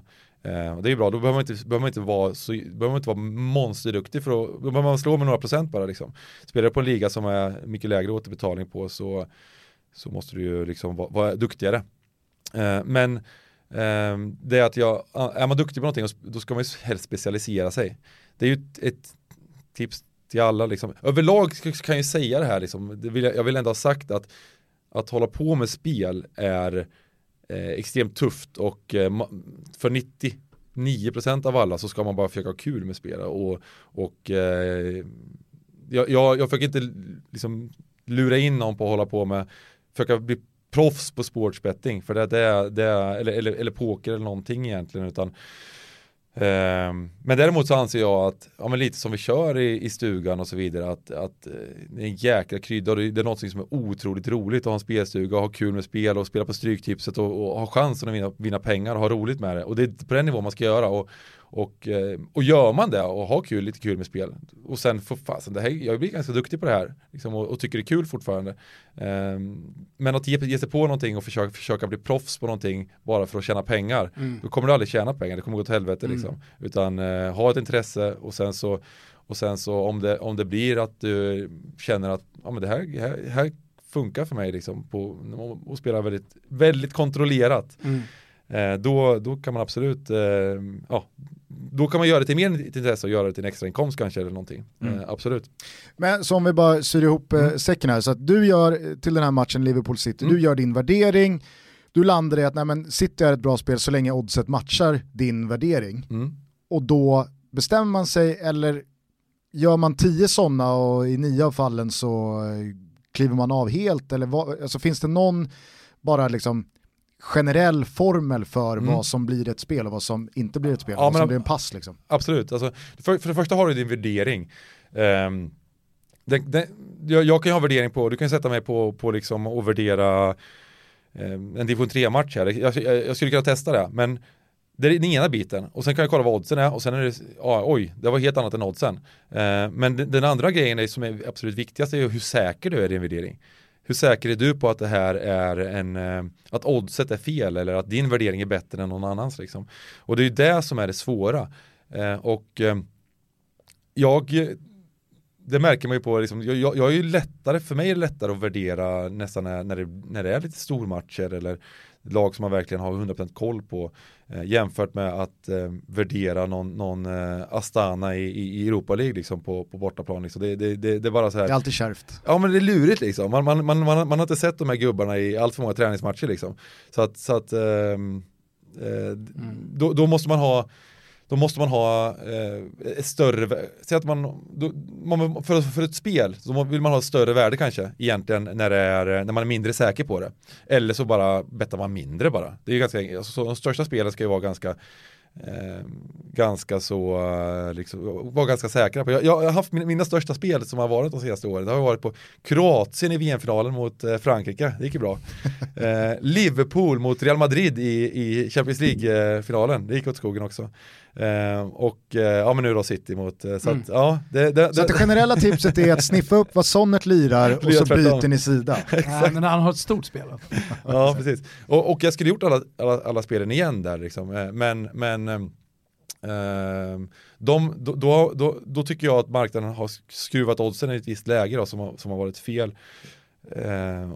Och eh, sen får man, får man ju betta högre också på, på stora matcher. Det är ju liksom tillåtet att betta högre. Det är, det, det, det är en, det är en sak också, försöker man tjäna pengar på spel så har man kanske en viss procent um, avkastning. Och uh, för, att, för att det ska vara värt att liksom spela då så måste man kunna spela en viss summa. Uh, det räcker, om man spelar 100 spänn och vinner 20, eller ja, man, man vinner 5% i snitt liksom, på bettet, då vinner man 5 kronor i snitt. Mm. Och, och så måste man lägga ner väldigt mycket tid för, ja, för att kunna göra det. Ja, precis. Och för, för, att få mat på bordet då liksom. Så man, man, man kanske tjäna någon, man vill tjäna någon lax om dagen i alla fall. Liksom. Och då, måste du då kan man ju räkna uppåt hur mycket man måste spela på ett bett. Det blir ganska stora bett liksom. Eh, och, och, det är också en anledning till att man vill spela på lite större marknader där det går att spela lite högre.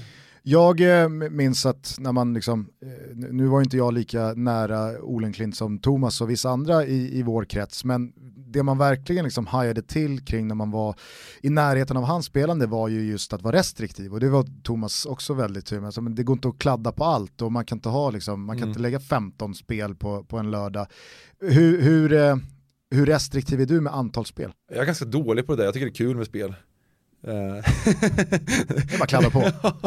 Nej, eh, så här, att jag, ty jag tycker att man um, jag, jag, jag, är inte en förebild i det skulle jag vilja säga, utan jag, jag, spelar mycket spel, men däremot så är jag ganska duktig på liksom att ha olika insatser. Jag kan spela ganska lågt liksom. Jag kan spela, spela har jag bara en liten, någon, ett par hundralappar liksom, eller ja, kanske lite undrivet, men, men ett par lax på en match, då tycker jag det är fine. Det kan vara ganska kul liksom. Och bara ha någonting att eh, att geista och kan spela ganska låga spel jämfört med vad jag, vad jag spelar när jag, när jag har en verkligt bra idé. Eh, så det är ju också en sån här grej som man, om man, om man, eh, att man ska vara det är många som säger liksom att ja, men du måste, varje spel ska vara liksom positivt EV eller det ska vara så här och så här. Ja, men vad fasen. Absolut, om man, om man är liksom, det, det, det kan man göra, men, men, samtidigt, det finns, det finns ehm, det finns även uppsidor till att spela lite mer. Det är ju träning att spela och göra, och göra bets. För du, du, du lär dig genom att, att du spelar vad, vad det är bra spel och vad gjorde jag rätt värdering. Eh, spelar du inte så kanske du inte bryr dig så mycket om det, det som hände i den matchen eller hände utan eh, det är helt okej okay att, att, spela lite dåliga spel ibland tycker jag. Eh, och, och vara inne, jag, man är inne och spelar lite tennismatcher ibland, det är kanske lite onödigt. Jag spelar för, för 99% fotboll men, men jag tycker det är kul med spel för tusan. Eh, jag, jag, jag, gör ganska mycket så dåliga grejer liksom, och, som folk skulle tycka att det här är ju... Jag var ju väldigt inne på längdskidåkning ett tag. ja men det är kul! Du lirar topp top 5 och topp 10 ja, ja. spel. Ja. Men längdskidåkning... Fick jag hade järnkoll liksom. Ja, men det... österrikiska sajter. Där kan vi snacka om att du övervärderade italienarna. Eh, nej, men österrikarna. Öster. Österrikarna däremot. Ja. Ja. Men, men sån där, just längdskidåkning. Men det var jävligt kul. Och annan sån vintersport, det är ju faktiskt en, en sån här sport som är väldigt eh, bra att betta på. Mm. För att eh, det är ju ingen som har en aning om vad oddsen ska bli. Det har inte oddsättarna heller. Har du lite koll då liksom, det, det, sen går det ju rykte och det kommer ju information. Det är en enskild idrottare som han kanske var förkyld liksom. Då får du den informationen innan spelbolagen. Och då kan det gå emot om det är stor favorit eller vad det nu kan vara. Mm. Eh, jag har vänner som är liksom bara slaktare liksom just eh, eh, de här lite mindre sporterna. Mm. Jag spelar på squash ett tag till exempel. Jag, jag spelar lite squash själv på hobbynivå. Jag älskar att kolla på squash. Eh, och det var också sådär liksom, det var ju bara ren hämtgurka liksom. För att spelbolagen hade ingen koll. Och sitter man bara och, och, och kollar all, all, liksom varenda match och liksom kollar exakta formen för varje spelare och har liksom superkoll på det, då, då har man bättre koll än vad bolagen har. Så det, det, är ju det, är det bästa tipset om man, vill, om man känner att ja, men jag, jag vill tjäna lite, någon extra liksom, slant på, för att jag har ett sjukt intresse runt eh, en viss eh, sport som kanske är lite mindre eller eller någon marknad som är lite mindre, då kan man ju spela, men man kan ju, det är ju inga stor, jättestora pengar, men, men det är ju ganska bra sätt att, eh, eh att spela på och liksom eh, och, ja, för att värdet är högre. Mm. Kanske lära sig värdera också om man inte ja, just absolut. kan den biten eh, innan. Jag mm. tänkte på det, hämtgurka, ordet hämtgurka, det är ingenting du claimar Nej, det... som ditt? Nej, Nej? Okay. fanns innan. Eh, jag skulle bara säga det på tal om eh, eh, att vara restriktiv. Jag kommer ihåg ett episkt avsnitt av Spelpodden som Thomas Olenklint gjorde. 22 minuter, inga speltips. Ja, just det. det är seriöst. Ja. Det, så, det, är ett seriöst, det, var så jävla, det är precis liksom. så det ska vara. Ja, man, man slog att... av efter 22 minuter och så här, inga speltips den här helgen. Okej. Okay. Ja, men men Ole Klint är eh, lite, lite mer restriktiv och lite seriösare än vad jag är kanske rent eh, eh, sådär vad, vad han rekar ut eller vad, liksom, vad han eh, eh även vad han spelar möjligtvis. Eh, jag tror att jag är inne, och eh, pillar lite mer, absolut. Men gör, spelar du mycket live också? ja, jag gör det. jag Däremot så gör jag det inte så bra liksom. Jag, jag, tror att jag vinner, eller jag gör det. Jag, jag kollar faktiskt på min statistik nu i, i, igår vad jag hade för, för återbetalning här på, på liven och det var, det var en extremt bra eh, ROI om man kan kalla det, eh, pregame. Det var över 10% den här säsongen. Eh, och, eh, men, men det var minus 2% live. och, och, det var, och då kände jag så här, liksom, ja okej, okay. jag, jag, kanske får ta lite, jag kanske får skärpa mig lite. Så att, eh, ja, det, det är svårare live också. För det första, Ja, nej jag vet inte, jag vet inte om det är svårare live egentligen, för det är, det är en del som är jätteduktiga live. Mm. Men det är lite lägre återbetalning på, på, på, live generellt, de sänker återbetalningen lite. Och sen så, så är liksom, eh, jag vet inte, du, man måste kanske kunna mer fotboll än vad jag kan. Jag vet inte. Vi är sponsrade av Betsson och ett sånt här avsnitt med spelproffset Bengt Sonnert på plats mm. så vill man ju leverera när det kommer till Toto-trippen. Ja, absolut. Eh, nu har det ju varit landslagsveckor, de är inte alltid jättelätta, jag tycker att vi var rätt på det i, i båda matcherna. Eh, men eh, Kulusevski fick väldigt lite tid, jag trodde han skulle få mer. Jag tyckte han såg het ut när han kom in.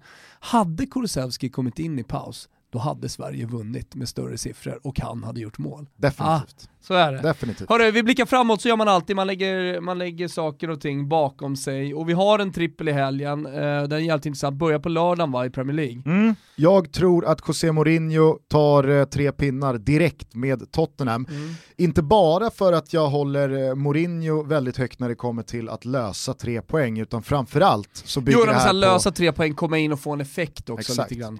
Men framförallt så handlar det här om att West Ham är kanske hela ligans näst sämsta lag. Norwich tycker jag är sämst av alla, men West Ham ser under all kritik usla ut. Ja, Pellegrini kommer vara en av de tränarna som får sparken under den här säsongen, var så säkra. Och jag ser faktiskt inte hur de ska kunna störa Tottenham som då inte behöver tänka på någon längre resa eller något liknande utan eh, ska ta tre poäng och så kan folk eh, tycka att det är hur jobbigt som helst att Pochettino har fått lämna. Mourinho är där för att ta pinnar och han börjar med tre direkt. Bra seger jag Tottenham. Såg, jag såg någonstans eh, att Mourinho hade snittet 1,89 var det i Manchester United eller var det under hela sin tid i Premier League? Hur som helst så har eh, Pochettino snittet 1,89 som eh, Spurs-tränare. Alltså de har samma poängsnitt. Mm. Eh, jag vet inte vad du ska göra med den informationen Gusten, men jag ger dig den bara. Ja.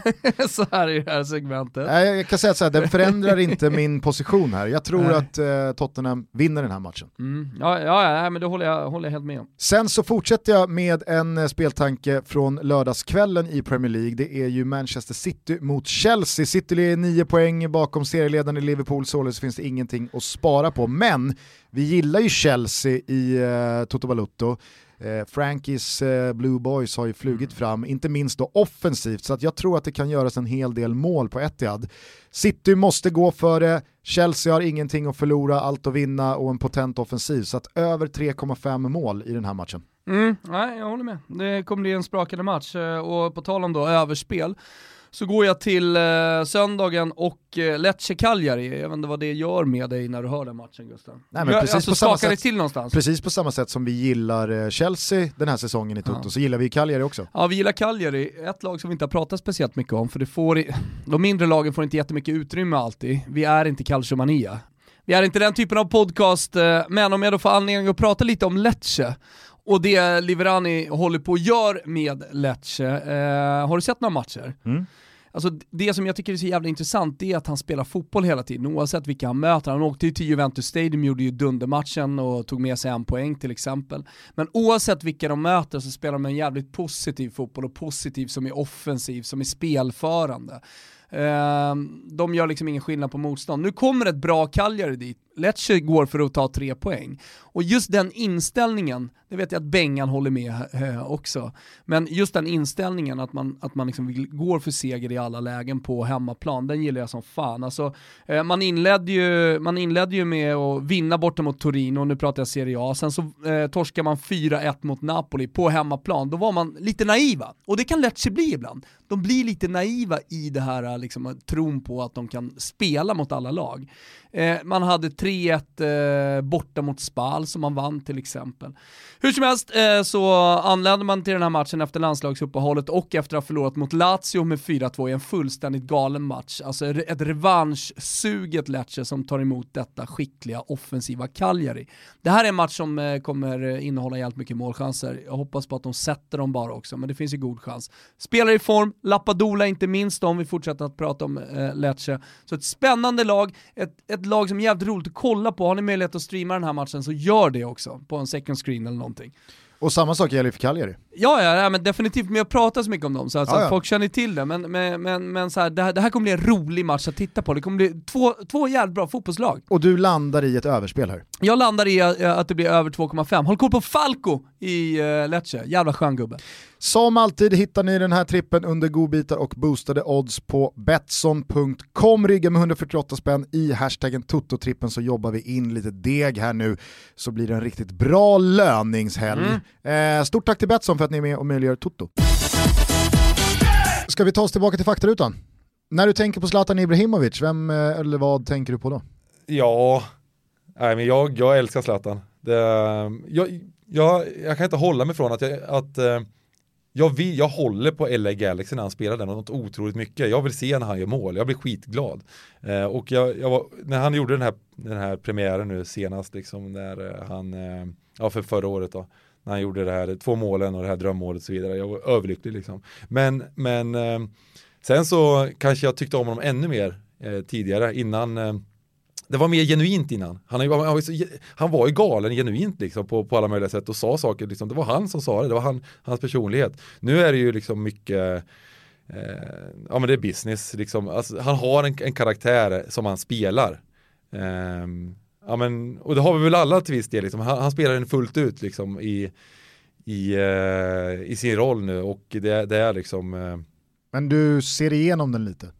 Ja men det, väl, det ska man väl göra, att, det är väl inte, att han, han smilar varje gång, han, det är lejon hit och dit och det, det är olika saker och det, han har lagt upp, eh, ja, det, det, det, det är någonting som han, han spelar, han spelar en roll där han är liksom, eh, ja, han- är en legend, han är på något sätt, men han, han spelar den fullt ut och, och lite överdrivet kanske. Och det, jag tyckte det var roligare när det var verkligen genuint, han sa, när, när det verkligen, när det, bara, när det bara flödade ut honom, när han gjorde grejerna, han bara gör dumheter liksom. Och, och, och, och, och, men framförallt, det, det som är det stora med Zlatan, det är ja, men hur seriös han har varit runt sin fotboll. Det tycker jag, det tycker jag är så oerhört imponerande. Att, att han hade ju aldrig kommit till den nivån han har gjort genom att bara leva på sin talang. Nej, precis. Han har otrolig talang, men, men så utnyttjar den på, på den talangen på det sättet. Och det, det är ju väldigt få alltså, idrottsmän. Jag, jag, jag, kommer, jag håller på med lite individuella sporter och jag kollar mycket på, som vi berättade om squash. Liksom. De, de som är bäst i världen i tennis och squash och de här sporterna, de är så seriösa, det är asketer. De, de lever ett asketiskt liv, för det går inte att komma till toppen på, på de här sporterna utan att vara totalt sådär. Och eh, det här asketiska livet, det, det tycker jag man saknar mycket. Må, många fotbollsspelare är ganska nöjda sådär. Du, ja, men jag, jag, jag, jag, jag dabblar, jag, nu säger jag dabbel igen. Jag har aldrig, sagt, jag har aldrig använt det ordet tidigare i mitt liv. Men, nu, men, ja, men man, man, man, man, ja, man är, stjärna, man är stjärna i något lag och fotboll är så stor sport så att är du stjärna i allsvenskan då är du, då är du liksom king på stan, eller hur? Mm. Eh, och, eh, men du kanske, du, kanske inte, du kanske kunde ha uppnått något mycket större om du hade liksom gått helt hela vägen och, eh, och vilket han har gjort, Zlatan. Och det där tyckte jag verkligen var den passagen som flög oförtjänt mycket under radarn i intervjun med Noah där eftersom den handlade så mycket om det han riktade mot Janne och så vidare. Mm. Men där pratade han om just det där att 14-åriga killar och tjejer idag, kanske framförallt killar då han vänder sig mot, det är lite för mycket Instagram och lite för mycket följare och sociala medier och lite för mycket att man ska tänka på det här och man ska tänka på det här. Just. I grund och botten så ska du vara en jävla bra fotbollsspelare och det blir man ute på träningsplan. Ja. Det, det, är bara nöta, nöta, nöta, nöta. Mm. Det är där den stora skillnaden mm. kommer vara, inte om du har de andra bitarna. De kommer Mm. De kommer komma av sig självt om du blir en riktigt jävla bra mm. fotbollsspelare. Men mm. det kan du aldrig bli på något annat sätt än att vara ute på plan. Eh, och det tyckte alltså, så det, det, var, jag tyckte det var uppfriskande att han sa en sån sak också mm. till just den här generationen som jag tror gått bort sig lite i hela den cirkusen som är fotbollen. Att man kanske undervärderar just träningsplanen. Ja men verkligen. Det blir ju lätt också så att man eh, tittar på en världsstjärna som då använder kanske sociala medier på ett visst sätt, klär sig på ett visst sätt, så blir det att man vill vara den personen. Uh, och man glömmer bort hur den personen har kommit dit. Mm. Att det är vägen till att kunna sitta där och vara Zlatan eller Neymar eller vem det, uh, vem det nu är, uh, hur, ja, titta på den vägen då. Och som i många fall, eller i alla fall egentligen med stora idrottsmän, handlar om att uh, ha dedikerat sitt liv åt ja. sin idrott väldigt tidigt. Och uh, det handlar om väldigt stora upp uppoffringar. Men det är bara att kolla på de som är bäst i världen i, i fotboll, bara ja. Ronaldo, hur, hur ja hur har han eh, levt sitt liv? Det är ju, det är ju sinnessjukt. Ja men det är full dedication ja, full, ja. såklart från början. De allra bästa har, Och grejen är så här, det passar inte alla. Alla ska inte bli bäst i världen, det är väldigt få som kan det i slutändan, men liksom komma till toppen. Mm. Så då kanske det är bättre att ta ett steg ner och sen så uh, kör man på en lite lägre nivå. Ja, eller så finns det ju otaliga exempel, inte minst brassar, som har tagit sig hela vägen upp till mm. toppen, men väl där så kan man inte riktigt hantera det, eller så slår man sig till Nej. ro och är nöjd där. Men hur, jag... hur många brassar har inte varit bäst i världen pre-25 och sen så efter en och en halv säsong på toppen så festas det lite för mycket Precis. och så bara fejdar man ut och så tänker man att ja, men Adriano eller Robinho eller eh, Kaká eller vem det nu var, så, så här, vad, vad, hände? Ronaldinho, jag träffade Ronaldinho på en, en nattklubb i Barcelona klockan 06.00, vi stängde baren ihop. Fina stängningen. Ja, eh, det var precis som han var på väg bort från eh, Barcelona. Eh, det var nog sista året han, han, spelade. Vi pratade inte så mycket, vi snackade inte så mycket. Men, men ni stängde bara? Ja, vi, vi, det var precis när vi var på väg att stänga, så han stod i bara, han tog väl vatten, det är möjligt att han tog vatten, men det var så 06 Det är klart han inte tog vatten. Nej, ja, han var på väg ut i alla fall. Det var mer att jag, jag, jag stod alltså två meter från honom när han, han hängde över baren, jag hängde baren.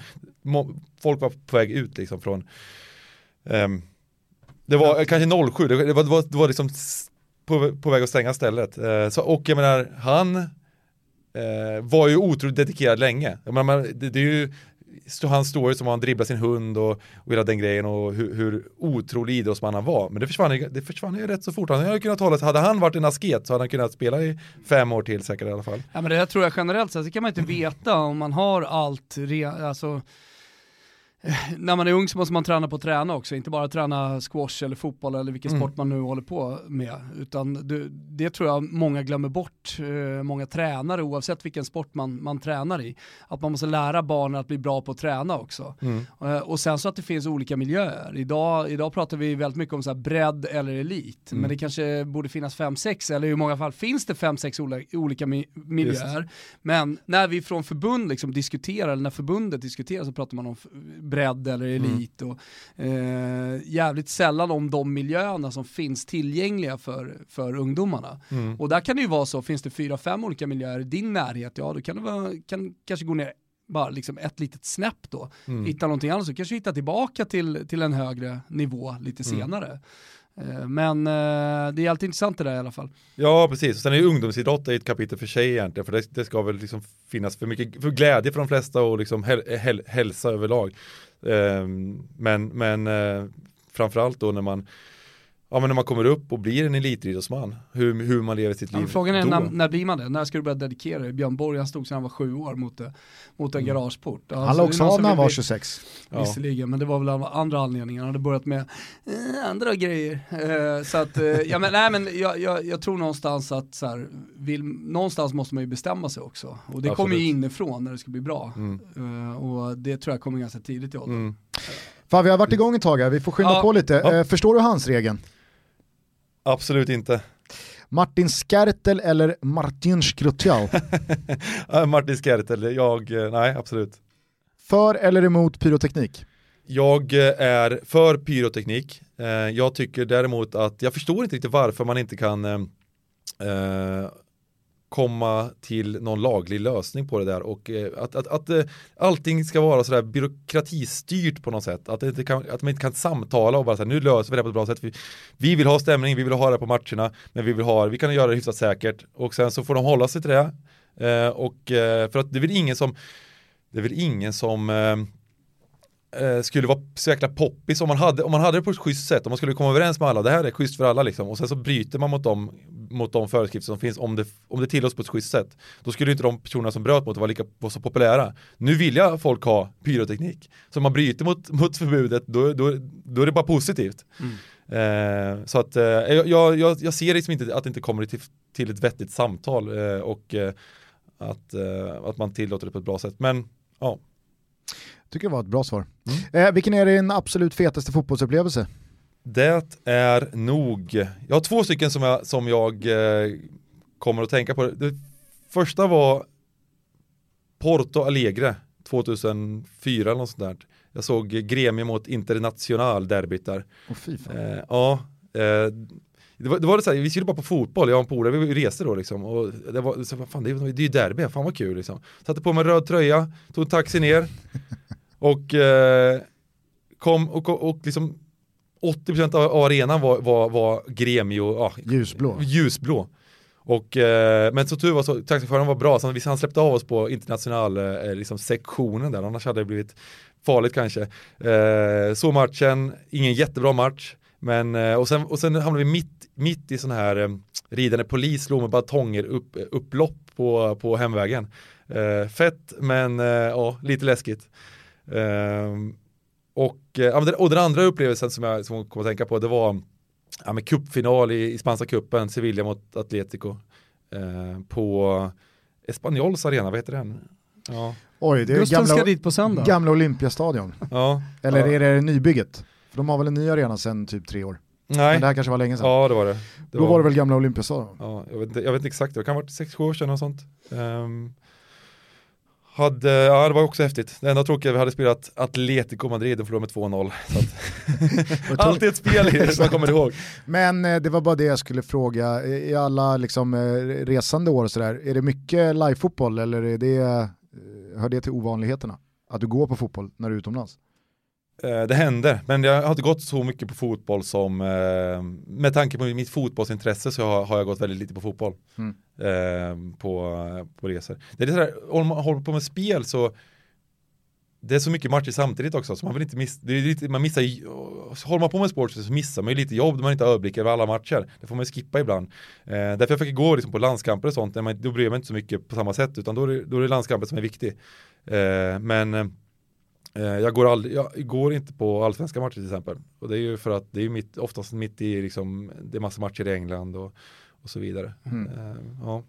uh, den här frågan är jag lite spänd på just för att det är du som sitter i stolen. För eller emot VAR? Jag är emot VAR som den fungerar idag. Jag, jag tycker att jag, jag, jag, tyckte England hade en ganska bra grej på gång i början på säsongen. När de inte dömde någonting, att när inte VAR gjorde någonting. då, För, då var VAR bra. Ja, precis. De dömde offsider, vilket är fine. Det är så här millimeter, så den är lite löjlig såklart. Liksom. Men det är väl fine, för det är svårt att dra en gräns där. Jag tycker att det är liksom... Vad de bestämmer var... sig för var att, de, att de är konsekvenser. Ja, det ska inte ta två, tre och en halv minut som det gör ibland med, med offside-VAR. Jag tycker ibland det är linje, jag vet inte exakt hur man ska lösa det där, för det är svårt. Det, det, ska, det, det är så mycket... Det, million dollar question. Ja, det är lite av eller på. Men det, det, det England gjorde i början på säsongen, det var att de, det, när det inte var liksom 110% fel, att det var verkligen sådär att, att det var någonting som var helt sinnessjukt så dömde de inte. Och det gjorde att, nu vart det ju lite fel, för hade de fortsatt med det här, vilket de slutar med nu helt plötsligt, nu tar de massa konstiga, nu börjar använda de VAR helt plötsligt Det blir som i alla andra länder, det blir kaos. Ja, då blir det kaos. så vet man inte riktigt eh, vad man inledde Mm. med för regelverk och vad man sa till varandra, för det märker jag nu, liksom, att det är många som eh, påpekar att vänta nu här, ni sa ju att vi skulle använda VAR på det här sättet, men Exakt. vi gör ju faktiskt inte det. Nej. Och jag hörde just kring den här, eh, eh, Viasat hade av någon anledning, jag vet inte om du upplevde samma sak, men efter den här oerhört VAR-uppmärksammade matchen mellan Tottenham och Sheffield United eh, förra lördagen så Mm. var det ju Leicester-Arsenal och i första halvlek så var det inte Niklas Holmgren utan då var det en engelsk kommentator på Viasat. Eh, och då vet jag att det var någon situation där kommentatorn då sa att ja, men VAR ska ju bara gå in när det är clear and obvious, Mm. vad nu det är. Mm, det är ingen precis. som vet vad som är clear and obvious, så att det låter fint, Men det är ju Ja. också i subjektivt. förklaring, såklart. exakt. Ja, men så här, visst, det låter jättebra när man säger att VAR ska bara kliva in eh, när det är clear and obvious. Mm. Men när ingen vet vad clear and obvious är Nej. så fyller ju inte det någon Nej slags men det kommer ju aldrig någon heller. veta i och med att det är subjektivt. För det är ju någonting clear and obvious, för mig är det inte det. Ja, Och problemet blir ofta med VAR också, det är just när vi snackar om handsregeln, eller du frågar om handsregeln som ingen förstår.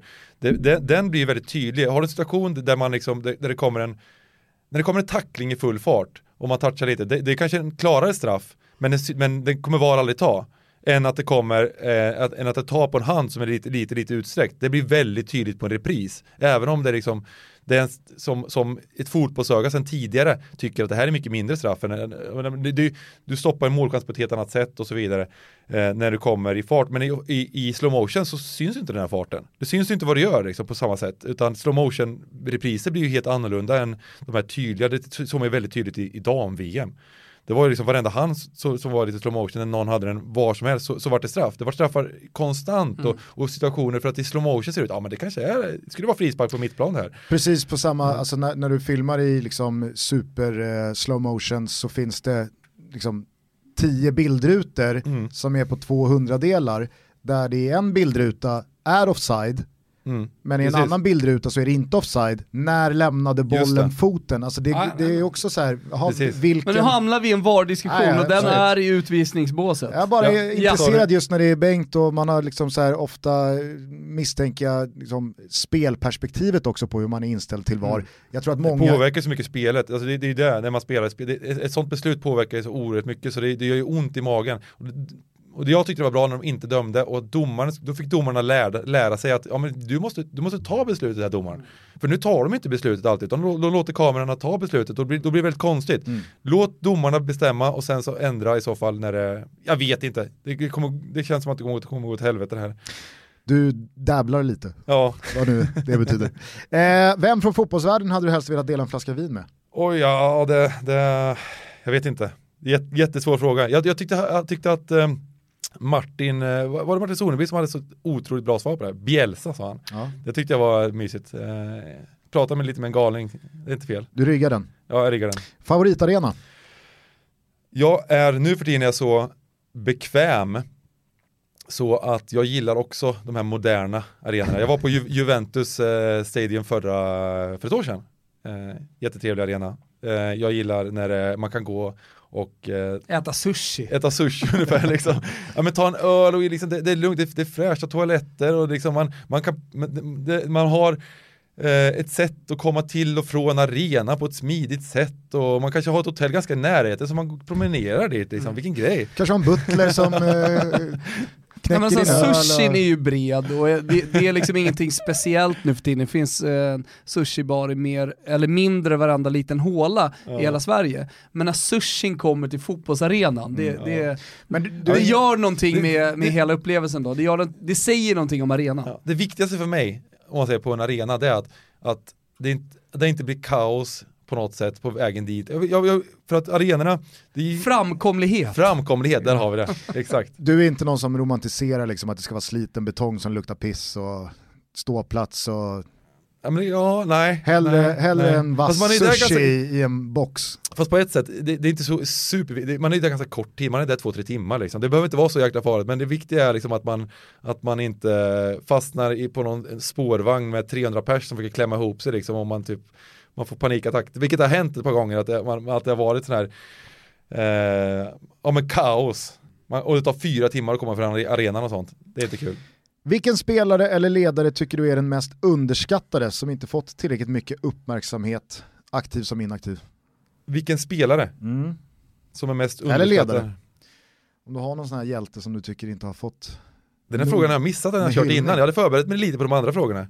Ehm, mm. Den kan få, den kan få pausas Ja, också. ja, vi pausar den frågan. Då undrar man ju om du har skakat fram då ditt mäktigaste nummer i telefonboken. Ja, jag, jag, jag, jag kollade faktiskt det innan nu när jag kom in och sen hade jag bara, jag har ingen, Hasse Eskilsson, men han är grym. Ha, Hasse, Semimäktig Ja. får man väl ändå säga. Eh, finns det någon spelare eller ledare du- du aldrig riktigt sett storheten i? ja, det, var, det, det, det finns ju säkert eh, massor. Men jag har ju varit, varit liksom emot, eh, jag, jag, har inte, jag har varit emot Mourinho ganska länge liksom. Ehm, jag tyckte att, jag tycker att han tappade ganska tidigt. Men det är ju, han, han har ju, det går ju inte liksom du hatar Mourinho. Nej, det, ja, det gör jag inte. Men, Han eh, håller ju på att gå full circle, att nu, nu börjar alla liksom hitta tillbaka till kärleken Ja men jag Mourinho. gillar Mourinho, jag gillar verkligen Mourinho men, men, men och han, jo, han, har- hans karriär är fruktansvärt Mm. vacker och han har gjort väldigt mycket bra saker. Men eh, ja, han, Du tröttnar på honom? Ja, jag är tröttnar på honom, tappar lite. Finns det något specifikt i din karriär som du ångrar eller som du fortfarande grämer dig över? Ja, har du någon sån här massor. bad beat? Eh, Massor. Eh, nej men det finns massor. Eh, jag eh, borde behandlat min pokerkarriär framförallt på ett annat sätt. Vårdat den lite bättre. Så hade den kunnat hålla både längre och eh, vunnit mer pengar. Eh, sista frågan, vem eller vad tycker du behöver sätta sig ner? Förutom då alla som är tvärsäkra på saker man inte riktigt har någon aning om. Ja det var ganska bra svar. Ja det tycker jag var jättebra. Ja, ja. Vi kanske ska ja, men det, i det, det. det. tycker jag verkligen. Att, eh, att man eh, vet inte ibland. Ibland, ibland vet du inte och då, då är det ganska bra att liksom vara så här, ja, men, Backa lite Ja men backa lite. Ja, och vara så här, ja fan, det kan, någon, någon, någon sätter ner och eh, lyssnar kanske. Skitbra ju. Ja, verkligen. Hörni, jag tycker att man ska följa Bengt på Twitter. Jag tycker också att eh, vi med värme ska rekommendera eh, Gambling Cabin-kollektivet. Det finns mycket roligt att ta del av både i podd och eh, streamingväg där. Eh, och fan vad roligt att du kom hit och gästade oss. Ja, ni är hjärtligt välkomna till Stryktipspodden också gubbar. Är det så? Varit, ja, Ja, fan vad roligt. ja. Det, det, det, det ska vi försöka få till. Härligt. Eh, några sista visdomsord? Eller ska vi sätta punkt? Ja, nej. Ja, Spela och ha kul. Det är väl det, det, är väl det som är... Det jag är det bra är. Ja, absolut. Och, eh, Spel är också glädje. Spel är glädje. Det får man inte glömma någon- bort en- nu en- när det är så mycket negativt kring, eh, kring spel hela tiden. Ja. Det är det enda man nås av. Precis. Eh, och sen så är det så många som håller på med det här. Vi är ju inte ensamma och eh, det är faktiskt jävligt roligt också. Och försöka göra det med måtta och försöka och, och göra det lite socialt också. Det tycker jag var bra, liksom, Absolut. eh, från, bra Men jag tycker man kan se spel som... budskap. Det, det, det, om man jämför det med alkohol så finns det, det, det, går, det går att köpa liksom hembränt av, eh, Mm. av, av grannen eller så går det att köpa ett fint italienskt vin.